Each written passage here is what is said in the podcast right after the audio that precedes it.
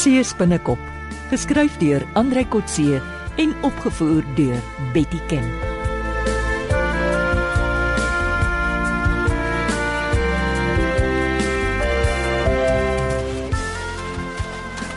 Ja, kyk ja, daar's hulle. Wie? Dan die stroopers, die tarantula. O, nou sien ek hulle net daar agter die branders. Weet wat? Kom ons vat hierdie pad agter die duin om. Maar wat is verkeerd met die kuspaadjie?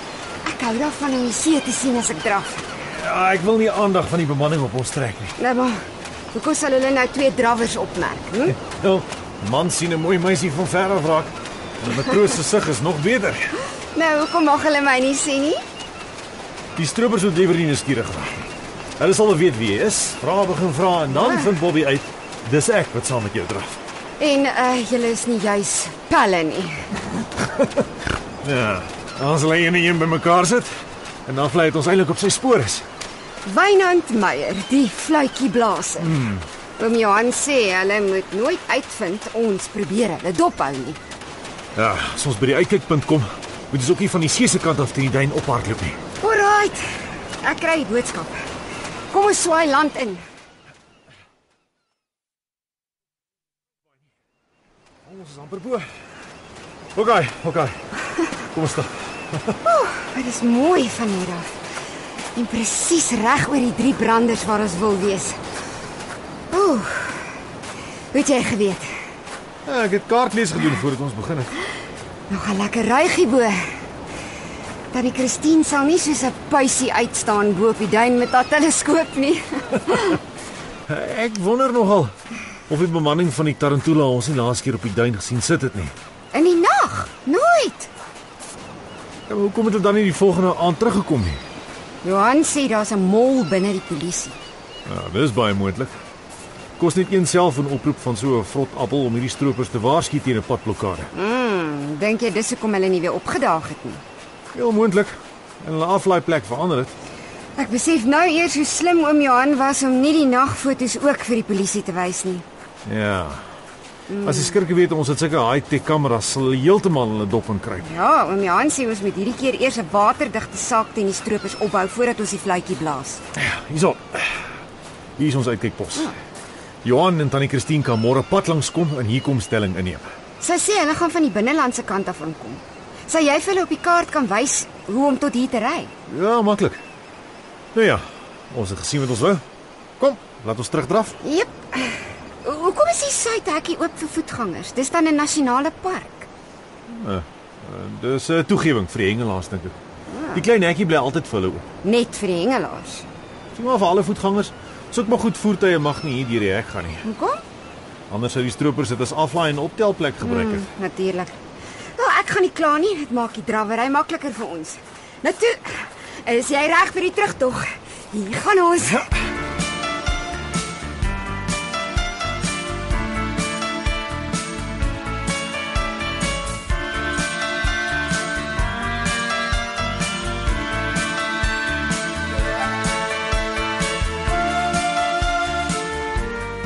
Yes, yes, Obas. Jy het sowaar gekom.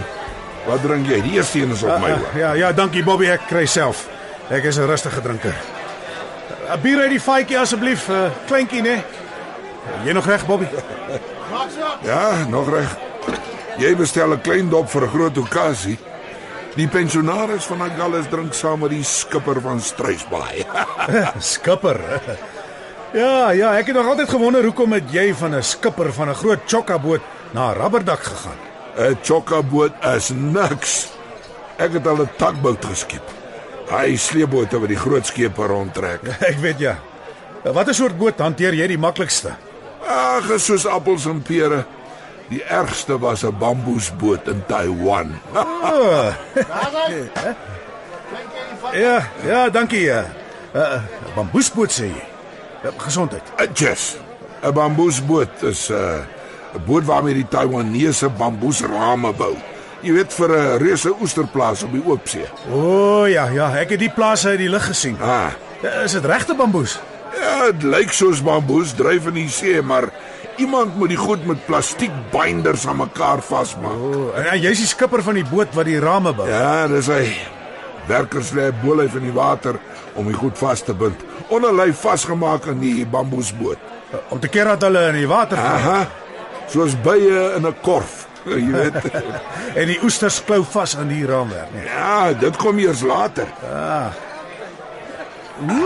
Hoe het jy in Taiwan beland? Uh, man, ek het vriende gemaak met die Chinese van die vistreilers in die Kaapse hawe. Hulle daag my toe uit. Ja? Sê ek sal nie daai soort werk kan doen nie.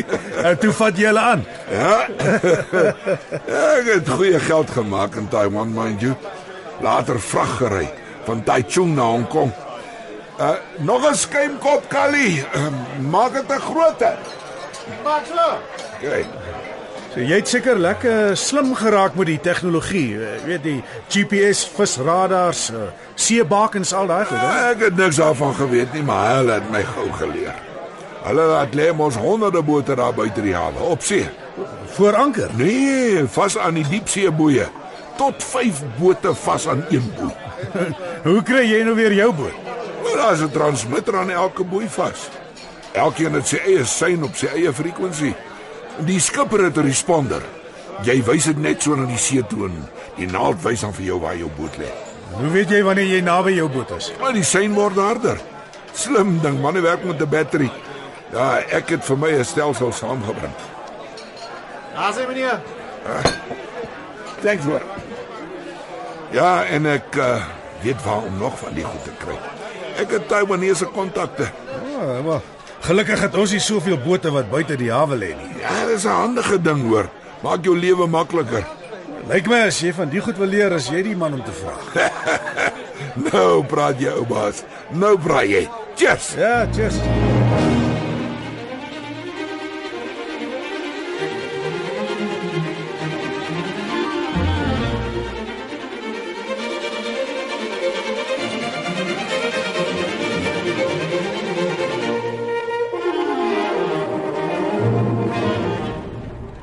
Dankie tog. Ons is maklik deur die hek. Ek was bang hulle deursoek ons kry die teleskoop. Sandparke ondersoek nie sommer jou bagasie nie. Dis mos nie 'n douanepos nie en alles is wettig. Nou, Kry bietjie vir ons die kaart reg, Christine. Jy's nou ons navigator. Nou, waarvoor moet ek kyk? Uh, Die swart streep op die kaart is die pad waarop ons nou is. Ja, Nou daai rooi streep, dis waar Wynand vir ons die roete aangeteken het. laat ek bietjie sien. O, oh, dit lyk uh so 4 km op die teerpad. En dan regs, né? Ja. Ek verstaan nie al jou planne nie. Hoekom ry die kinders nie sommer saam met ons nie? Ek en jy kan nie alleen die swaar teleskoop teen die duin uitdra nie. Hulle hou van draf. Hulle hou van mekaar se geselskap. En hulle is nie kinders. Ekskuus tog. En die duin? Toe maar, daar's 'n harde pad teen die duin op. Ons ry tot bo. Wynand se lawe is om ons te help aflaai. Die dagteleskoop is darm nie so swaar soos daardie nagsig ding wat ons laasweek teen die duin moes uitdra nie.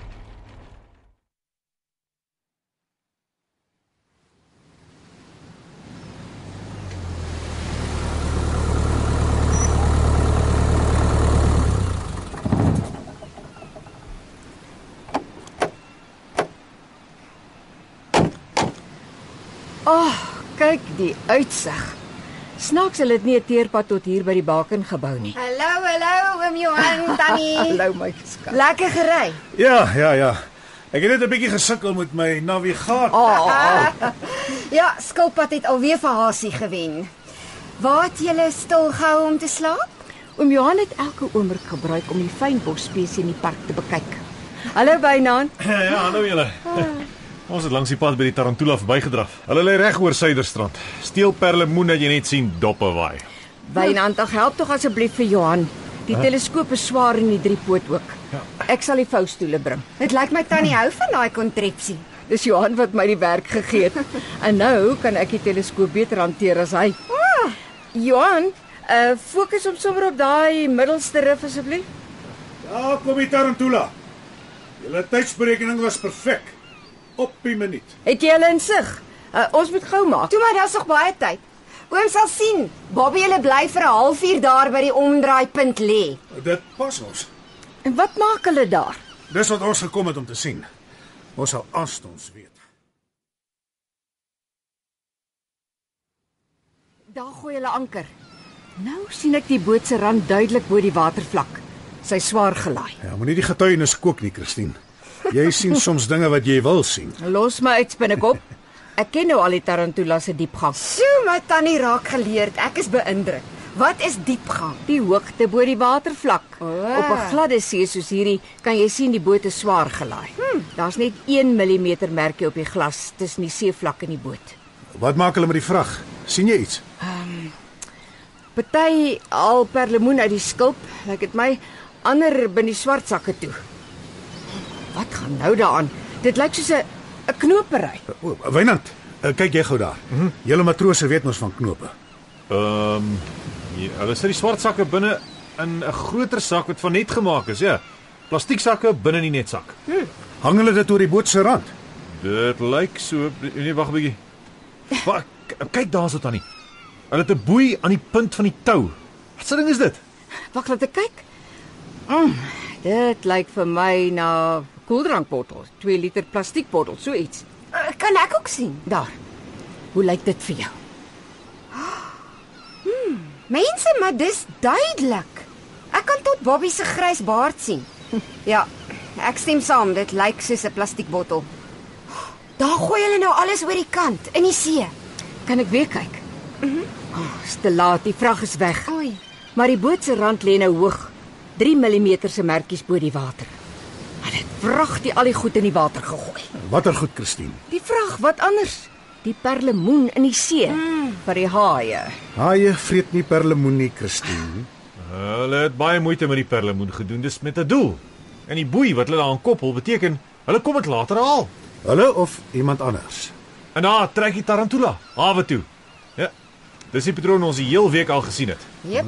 Dink julle dis die moeite werd om vandag hier te bly en te kyk wie die vrag kom haal? Wel, ons is dagbesoekers. As ons nie vanaand 6uur by die hek uit is nie, sal hulle ons kom soek. Ja. Ek is lus in swem in en sny die boei af. Dat dit wegdryf. Jy het nie jou duikpak en jou paravoete hier nie. Nee, maar dit is 'n moontlikheid. Dat moet ons die boei sny. As hy wegdryf, het hulle 'n probleem. Ja, dis wat ek bedoel. Dis nie nodig om dit nou te doen nie. Ek dink ons het genoeg gesien vir een dag. Net toe ons vordering maak, wil jy ophou. Ja, ja, ons moet koelkop bly en nie indons en oorhaastige gevolgtrekkings maak nie. Dis die fout wat ons verlede week gemaak het. Ons het niks verkeerd gedoen nie. Dalk nie, maar ek sou verlede week meer tevrede gewees het as sergeant Fortuin vinnig 'n paar stroopers gearresteer het. En ek sou meer tevrede gewees het as hy my inligting gebruik het om 'n vrag perlemoen by die stroopers af te neem. Jy sien? Elkeen van ons het ons eie agenda. Mm -hmm. O, oh, wat wil ons nou eintlik bereik? Ons wil soveel stroopers as moontlik op een slag vastrek. Verkieslik die duikers, die belhamels, die draers en die kopers. Hoekom op een slag? Want as ons een skakel in die ketting laat arresteer, dan verdwyn die res. Maar nou lyk dit my asof 'n polisieman of amptenaar so korrup is dat ons inligting aan die stroopers uitgelek word. Ja, ja, en daarom moet ons planne so goed wees dat selfs korrupte amptenare dit nie kan verongeluk nie. Ja. Nou toe kom, dit word laat. Ag, nou ja, wat is raai? Ja, as jy so sê. Maar ek is môre middag terug. Dan gaan ek hy tou afsny. Dis tyd om die stroopers te begin seermaak.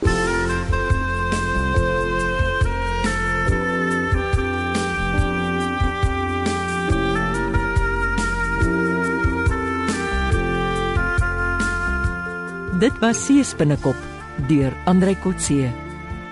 Die tegniese en akoestiese versorging is deur Henry en Karen Gravett. Die regisseur is Betty Kemp.